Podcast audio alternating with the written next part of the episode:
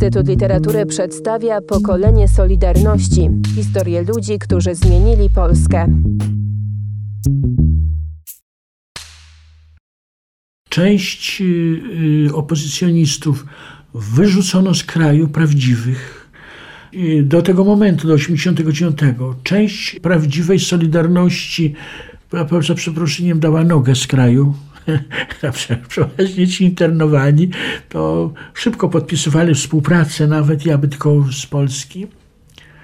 A część, którą niedobitków, która została, skaparowali po prostu do swojej współpracy.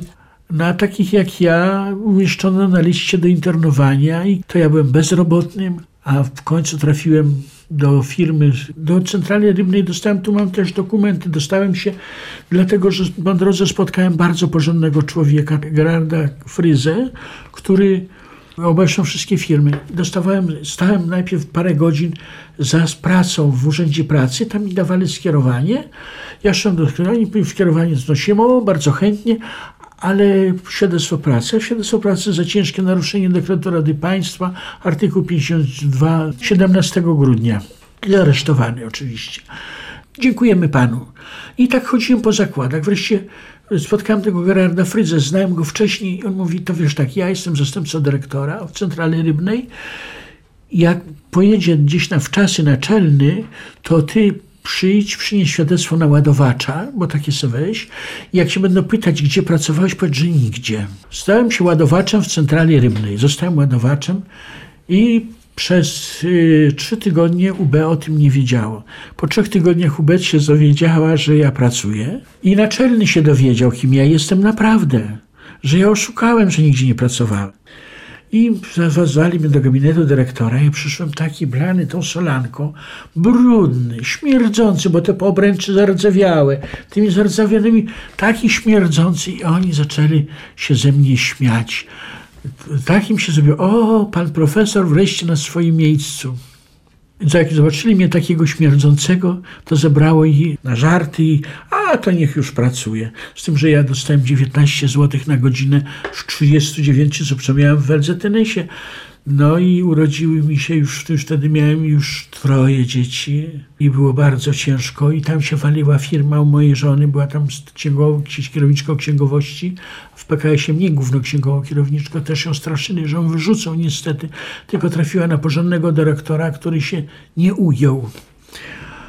I jakośmy tam przeżyli przy pomocy, też troszkę nam pomagał ksiądz Bocheński, bo zawsze dawał mi taką mleko milupę dla tych małych bliźniaków, bo one się urodziły w 1983 roku.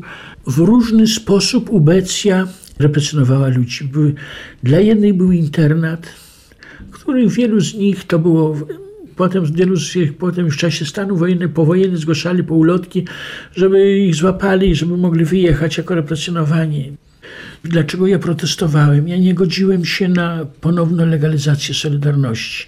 Uważałem, że powinna być relegalizacja Solidarności, czyli z urzędu nas nie powinniśmy wracać na miejsca, czyli Michał Wroński wyjechał do Ameryki, bardzo porządny człowiek, zmuszono go, bo nawet dla niego by nie było pracy ładowacza, jak wyszedł z więzienia.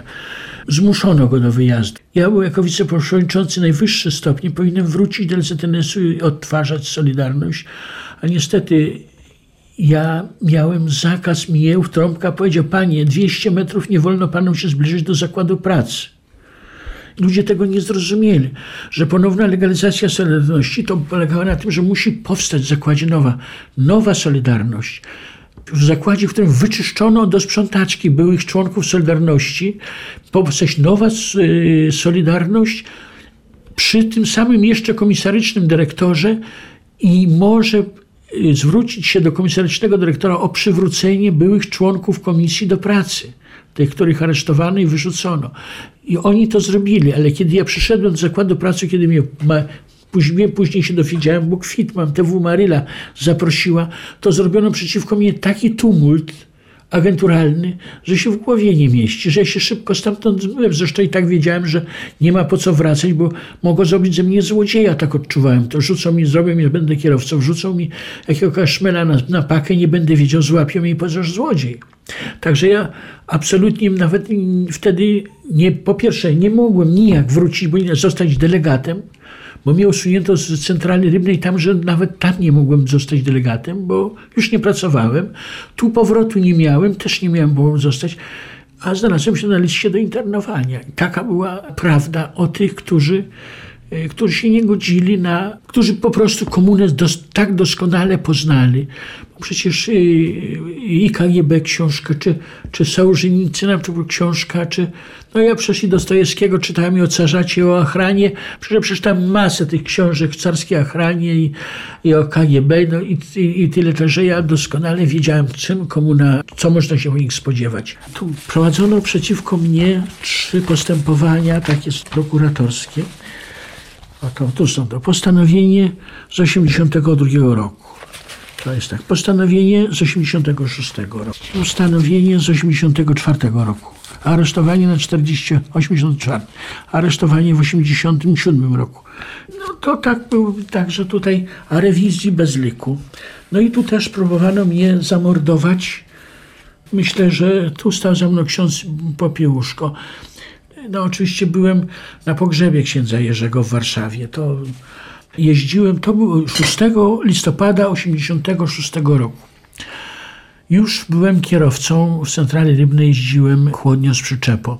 Moja praca polegała na tym, że zawsze w każdą niedzielę z barki w koło brzegu odbierałem rybę wędzoną i marynaty, a w każdą środę z Dalmoru w Gdyni odbierałem mrożoną rybę.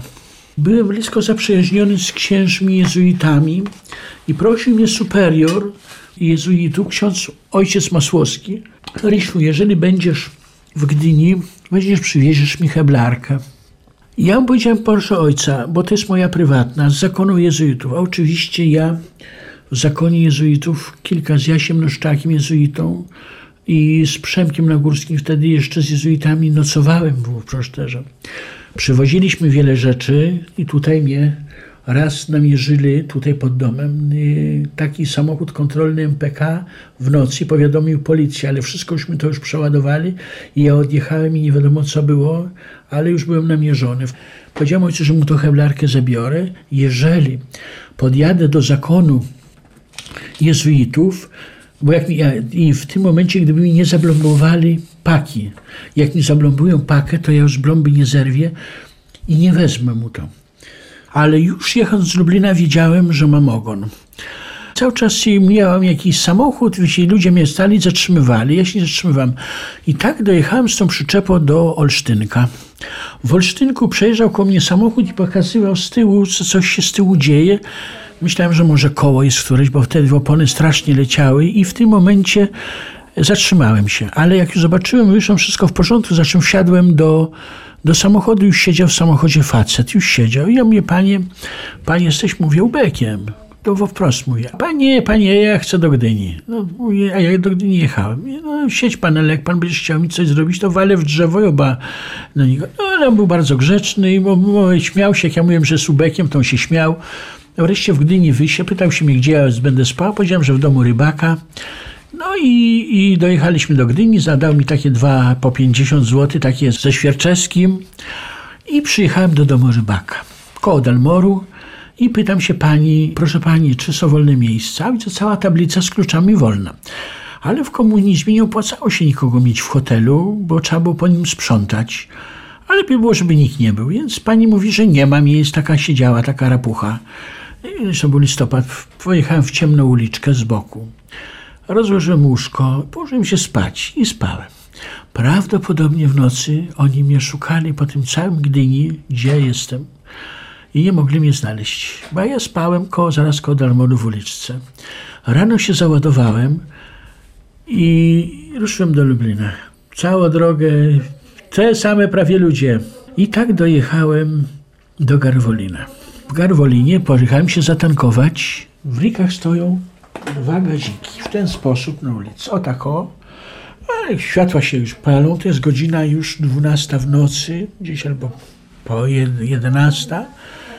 A ja między nich i patrzę, a za mną pościg chyba z, z pięciu takich samochodów na z tym niebieskimi. Więc szybko mnie minęły dwa.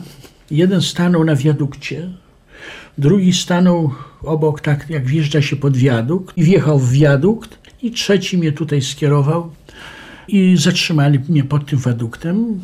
Listopad, ciemna noc, pusto. W tamtym czasie jeszcze samochodów nie było. No i wskoczył, drzwi otworzył, zapamiętał głowę, wysiadaj skurwysynu. I postawili mnie pod murem w tym wąwozie. I za mną stanął bandyta, przebrani wszyscy w, na czarne moro. Gaziki takie, y, gaz 49. Takie były radiostacje wtedy wyciągane, takie z kapelusza, takie na 40 metrów. Ten, który stał za tym, wyciągnął tą, tą antenę i tam trwały rozmowy. Cały czas trwały rozmowy. I w pewnym momencie te rozmowy przerwano. Ile to trwało, nie wiem. Ja widziałem wtedy i prosiłem Pana Boga też, że, żeby mi strzelili w głowę, bo spodziewałem się śmierci. Żeby mi nie wrzucili do wieprza zaraz, czy do Wisły, bo to blisko, bo nie chciałem, bałem się utopienia. Już znałem to. A wolałem, żeby mnie zastrzelili. W każdym bądź razie czułem na sobie obecność księdza Jerzego. I na raz zrobiło się pusto. Ja się modliłem oczywiście, to coś innego miałem do wszystkie myśli się tak kotłowały. Na raz jakby piorun strzelił w, tej, w tych gości, te goździki się zmyły i podjechały dwie nyski. I, I wysiedli tacy milicenci przebrani z Emilianów i mówi, panie, jedziemy do, jedziemy do Ryk. W Rykach podjechaliśmy pod komisariat, wyciągnęli, kazali mi wysiąść, zamknęli mnie do, do takiej przejściówki razem z paniami lekkich obyczajów i z pijakami. No i tam siedziałem z, tak z pół godziny. Za pół godziny przebrani milicjanci w fartuchy wychodzą i mówią, będą rewidować samochód. A ja mówię, panowie, jak zerwiecie plombę, to ja idę na autostop i wracam do Lublina. Choć kto to w nocy wtedy autostop. Ale tak mówię, panie, pan nie wrócisz za parę lat do Lublina. Siedziałem dalej. Mówi, ale ja nie będę, jak rozwijecie plombę. No i oni widocznie nie chcieli zrywać. Mówi, jedziemy do Lublina. Siadło do mnie dwóch, do szoferki. Z tyłu Nyska, z przodu Nyska z policjantami i tak przyjechaliśmy na Sławinek. Tutaj już się poczułem, że już pewnie mnie nie zabiją, ale tam pod tym wiaduktem to byłem pewny i do dzisiaj jestem pewny, że mówi się, że to bał się szef UB lubelskiego, że to już szły rozmowy się odbywały między Główczykiem, a czyli tą stroną opozycyjną, bo to 87 rok i że on się bał, że jednak y, spadnie na niego odpowiedzialność. Tu było troje dzieci. Co było zrobić ten, z tym samochodem władowanym y, rybami, prawda? Także oni mieli jakiś taki, y, nie wiadomo co było zrobić. Przyjechaliśmy do Lublina, na Słowinku czekały dwa już Fiaty. Ci policjanci z, z Ryk wsiedli w Nyskę, wrócili do, do Ryk, a ci mnie konwojowali dwóch do samochodu, znów tak samo, przede mną Fiat, mną Fiat. Przyjechaliśmy gdzieś, to była godzina już druga w nocy do centrale. No już tam czekał dyrektor naczelny, e, zastępca dyrektora, pułkownik Trąbka, pułkownik major Szacoń, podobno, bo ja to przecież ich nie znałem, bo oni się nie przedstawiali, kim oni są. No było ich z dziesięciu taki komitet powitalny, no i będą rewidować samochód, ale deszcz padał, no to odstępują. Zadzwonili, żeby mnie zamknąć na, na, na a tak jak to zwykle, co mnie zamykali do celi 44 na północnej, no ale tam już o drugiej w nocy nie chcieli przyjąć. Powiedzieli, żebym wracał do domu. Stał w środku porucznik Ujma. Ja się wtedy z tego śmiałem, co on powiedział, ale dzisiaj się już nie śmieję. Powiedział tak, panie Ryszardzie, niech pan zada spokój z tą Solidarnością, bo następnym razem pana zabiją.